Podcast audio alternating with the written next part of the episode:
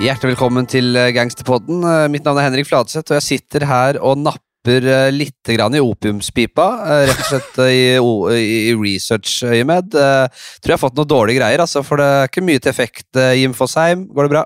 Ja, det går veldig fint. I denne podkasten her, Fladseth, så som du ofte er flink til å poengtere, så snakker vi som regel om mafia og også kriminelle organisasjoner.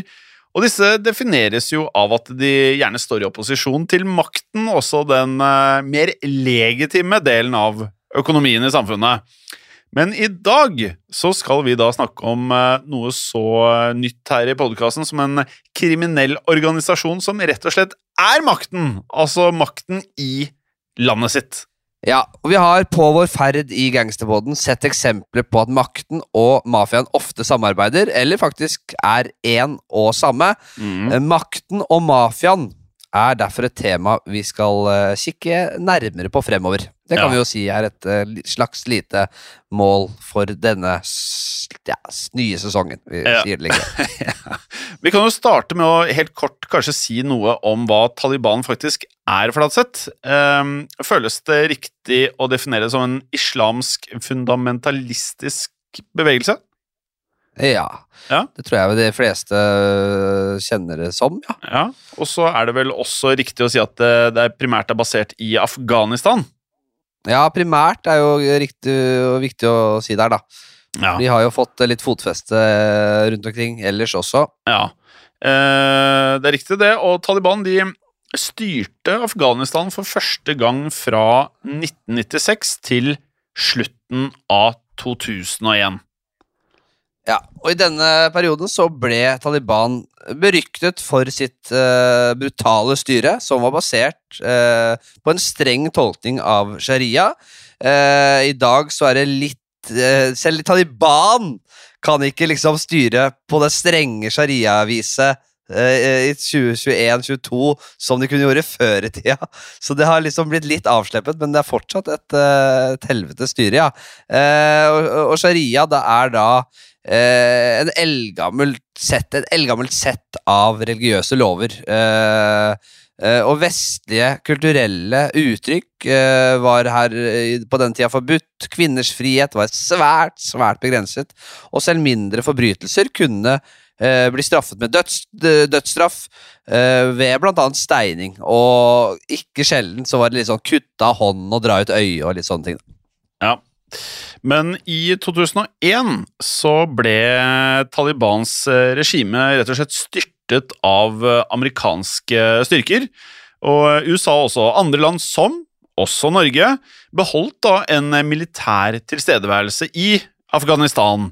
Og USA de prøvde også å bygge opp et slags demokrati, men Taliban nektet da å gi opp kampen eh, mot USA. Og til tross for den eh, 20 år lange konflikten som eh, deretter fulgte, der titusenvis av eh, Taliban-krigere døde, så økte gruppen sin territorielle kontroll og også militære styrke. Og i midten av 2021, altså eh, kun noen eh, dager siden faktisk, eh, Fladseth, siden vi var nettopp i det året, så var det anslagsvis mellom 70 og 100 000 soldater. Sikkert det samme nå i 2022, eh, og ifølge amerikanske myndigheter så, så kan dette tallet da det er det man opererer, med, men det kan være høyere. Og dette var jo et enormt hopp fra kun 30 000 krigere kun et tiår siden. Ja, og mens USA og andre vestlige land eh, gradvis trakk ut styrkene sine fra Afghanistan, så gjenerobret Taliban stadig mer land. Eh, I 2021 så tok gruppa tilbake kontrollen over Afghanistan til store protester og kraftige reaksjoner både fra afghanere og verden for øvrig. Eh, Så til tross da, for 20 år med krig mot eh, USA og Vesten, så har Taliban ikke bare overlevd, men de har blitt enda, enda sterkere. Ja, det er riktig det, og det sier jo da seg selv egentlig at dette ikke er mulig uten noen form for eh, finansiering. Så um, Taliban er jo da med andre ord blant uh, ja, de uh, rikeste, mangel på et bedre uttrykk, opprørsgruppene i verden. Og I dag så skal vi da se nærmere på eh, hvor de faktisk får midlene sine fra. Og vi kan vel allerede her avsløre Flatseth, at eh, du nevnte jo noe i starten her eh, som har med dop å gjøre, og dop spiller en rolle i dagens episode. Ja, den gode gamle valmueplanten har jo litt å si her, selvfølgelig. Og det er jo en kjent sak at Afghanistan er verdens største produsent av opium, som igjen kan foredles til heroin. Og dette har en årlig eksportverdi på mellom 1,5 og 3 milliarder dollar. Altså mellom 13,5 og, og, og 27 milliarder kroner. Uh, du er blant de som sier 13,5, ikke 13,5, altså? Ja, jeg sier det. Mm. Jeg sier det. Mm. Afghanistan står da for hele 80% av verdens forsyning av opium, opium, og denne industrien utgjør 11% av landets økonomi. Eh, opium er da med andre ord big business for Afghanistan, eh, og dermed også for Taliban, selvfølgelig. Ja, men eh, bare litt sånn nå før vi går dypere Flatseth, inn i dette jeg kan kalle det dopimperium, faktisk, så kan vi gi et kort innblikk i hva annet gruppen faktisk da tjener penger på også. For som andre vi prater om i Gangsterpodden, Flatseth, så har også Taliban spredt inntektskildene sine, både for å minimere risiko, og det er jo det enhver eh, bedrift eller investor eh, tenker, da, altså hedge investeringene sine. Eh, og for å da øke også fortjenesten. Og det finnes eh, minst eh, tre andre måter, så vidt vi vet, som Taliban da tjener penger på, utenom opium. Ja, det har blitt rapportert gjentatte ganger at Taliban mottar donasjoner fra velstående privatpersoner i Pakistan, De forente arabiske emirater, Qatar og Saudi-Arabia. Og beløpene de kan ligge på flere millioner dollar i året, altså. Eh, så det er noen som vil eh, at disse skal sitte med makt. Eh, men også flere regjeringer, andre regjeringer har blitt beskyldt for å støtte Taliban økonomisk. Og der snakker vi om Iran, Uh, vi snakker om Pakistan og faktisk Russland. Ja. Og En annen inntektskilde er da rett og slett uh, noe som heller ikke er uvanlig for, um, for land å drive med, og også andre kriminelle som vi har pratet om i podkasten, nemlig toll og skatt. Som da er pålagt all virksomhet som foregår i områdene som Taliban kontrollerer. Og Taliban de krever da inn skatt fra både import og også eksport, og etter hva vi kan forstå, så skattlegger de alt fra byggearbeid og elektrisitet til drivstoff til forsyninger, det som er, egentlig. Så må vi også legge til Fladseth, at eh, det er jo også noen som hevder, og også spekulerer da, i om eh, noe av eh, de internasjonale støttemidlene også kan havne eh, innom eh, områdene til Taliban. Ja, altså veldedighet, bistandspenger og den, uh, den slags. Det, men, men, det kan ikke vi si så mye om, holdt jeg på å si, men det, det, det hevdes jo i hvert fall. da. Ja, det er, lenge, det er ikke så lett å spore opp dette her, men uh, det, det er, ordet, ordet, ruller og ordet går, uh, uten at vi skal si noe mer enn det. Uh, I tillegg så er jo Afghanistan rikt på mineraler og edelstener, og gruveindustrien der er jo verdsatt til en milliard dollar årlig, ifølge lokale myndigheter. Så rundt der, sier vi. Men ressursene utnyttes bare i liten skala, og ofte ulovlig pga. denne militære konflikten. Det skal likevel sies at Taliban har kontroll over flere gruver, og at det anslås at de tjener rundt 10 millioner dollar i året på ja. disse mineralene. Ja, Men som vi da var litt uh, sånn helt løst innom her, så har jo da Taliban uh, dette skattesystemet som da finansierer uh, operasjonene deres. Og de aller største skatteinntektene de kommer jo da selvfølgelig fra opium. Um, og dette narkotiske stoffet da, det utvinnes fra nettopp det du nevnte tidligere, Flatseth, nemlig opiumsvalmuen, som har da ekstremt gode vekstforhold nettopp i Afghanistan. Og innhøsting da av opium sto da for nesten 120 000 arbeidsplasser i landet i 2019. Dette er da tall som eh, kommer da eh, fra FN. Ja, så Du kan si mye om uh, denne opiumsindustrien, men at den skaper arbeidsplasser, det kan vi i hvert fall uh, slå fast. Taliban de krever inn uh, en såkalt en dyrkningsskatt på 10% fra bønn, opiumsbøndene. Men ikke bare det, for Taliban krever også inn skatt fra laboratorier som ja. raffinerer opium til heroin, samt da handelsmenn som smugler de ulovlige stoffene ut av landet. Så dette utgjør til sammen enorme summer, da, som dere skjønner. Som sagt, minst 13 milliarder kroner i året, kanskje mer, og kun en fjerdedel av inntektene går til bøndene, mens resten deles mellom Taliban, øh, krigsherrer, smuglere og lokale ledere. Så det er jo selvfølgelig svært korrupt, og det overrasker vel ingen. Ja, øh, og så kan man jo da øh, I tillegg til at det er veldig gode forhold for å dyrke opium, så må vi jo liksom si litt mer om hvordan det har blitt nettopp så stor andel av den totale eh, omsetningen i landet. Eh, og dette kommer jo selvfølgelig, som eh, i veldig mange andre land som driver med mye narkotika og produksjon av nettopp dette, så er det jo harde forhold, altså fattigdom.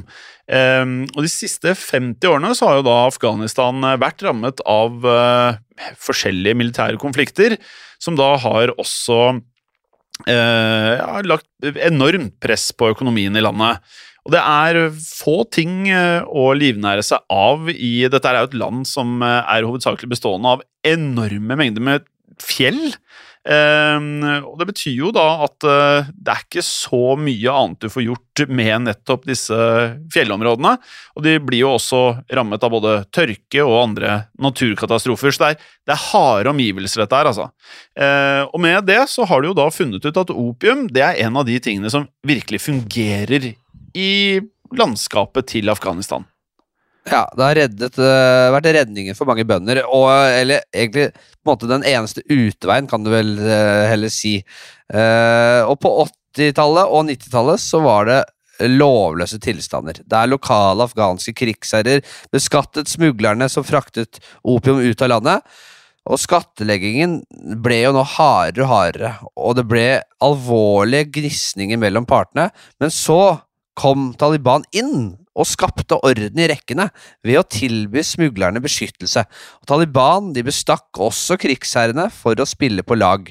Så egentlig var jo Taliban imot rusmidler og narkohandel, men de skjønte at dette eh, var det som ga dem makt, og som ga dem støtte. Ja, og narkohandelen den eh, skapte også mm, annen økonomisk eh, aktivitet.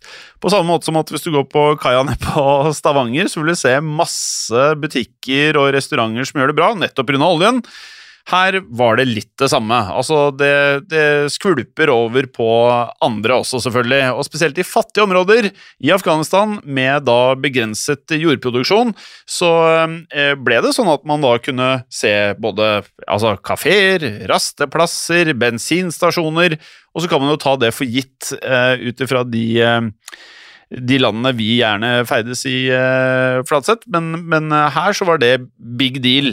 Eh, og mange mennesker de livnærte seg derfor av ting som enten var et resultat av opium, eller da var en del av smuglersystemet. Altså både handelsmenn, det var rett og slett smuglerne i seg selv, butikkeiere, lokale krigsherrer. og også eliter innenfor religiøse sammenkomster. Mm. Men Taliban var jo da på, topp, eh, på, toppen av det hele, og de kontrollerte hvem som fikk en bit av kaka her. Og dette var de fleste egentlig helt fornøyd med.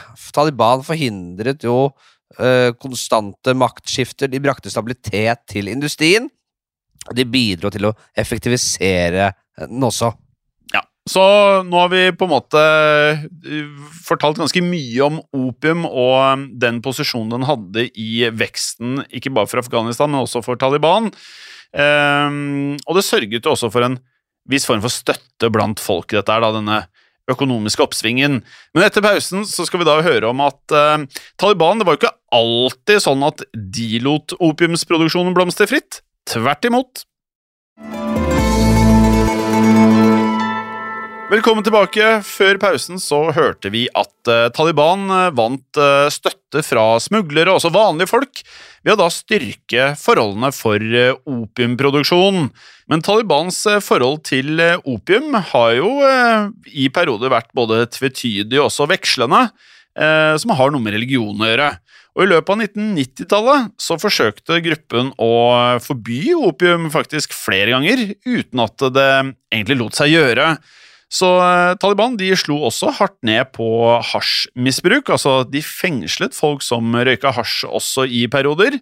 Ehm, men Taliban-lederne de skjønte jo da samtidig at eh, man måtte jo være pragmatiske, ettersom dette hadde en økonomisk oppside.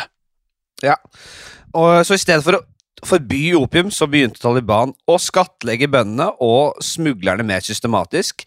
Eh, I tillegg så delte gruppen ut statlige lisenser til opiumsdyrkerne og spredte informasjonen om hvordan man kunne dyrke mer effektivt. Og inntektene de økte år for år, og folket var nå egentlig takknemlig for at Taliban lot dem dyrke opium i fred.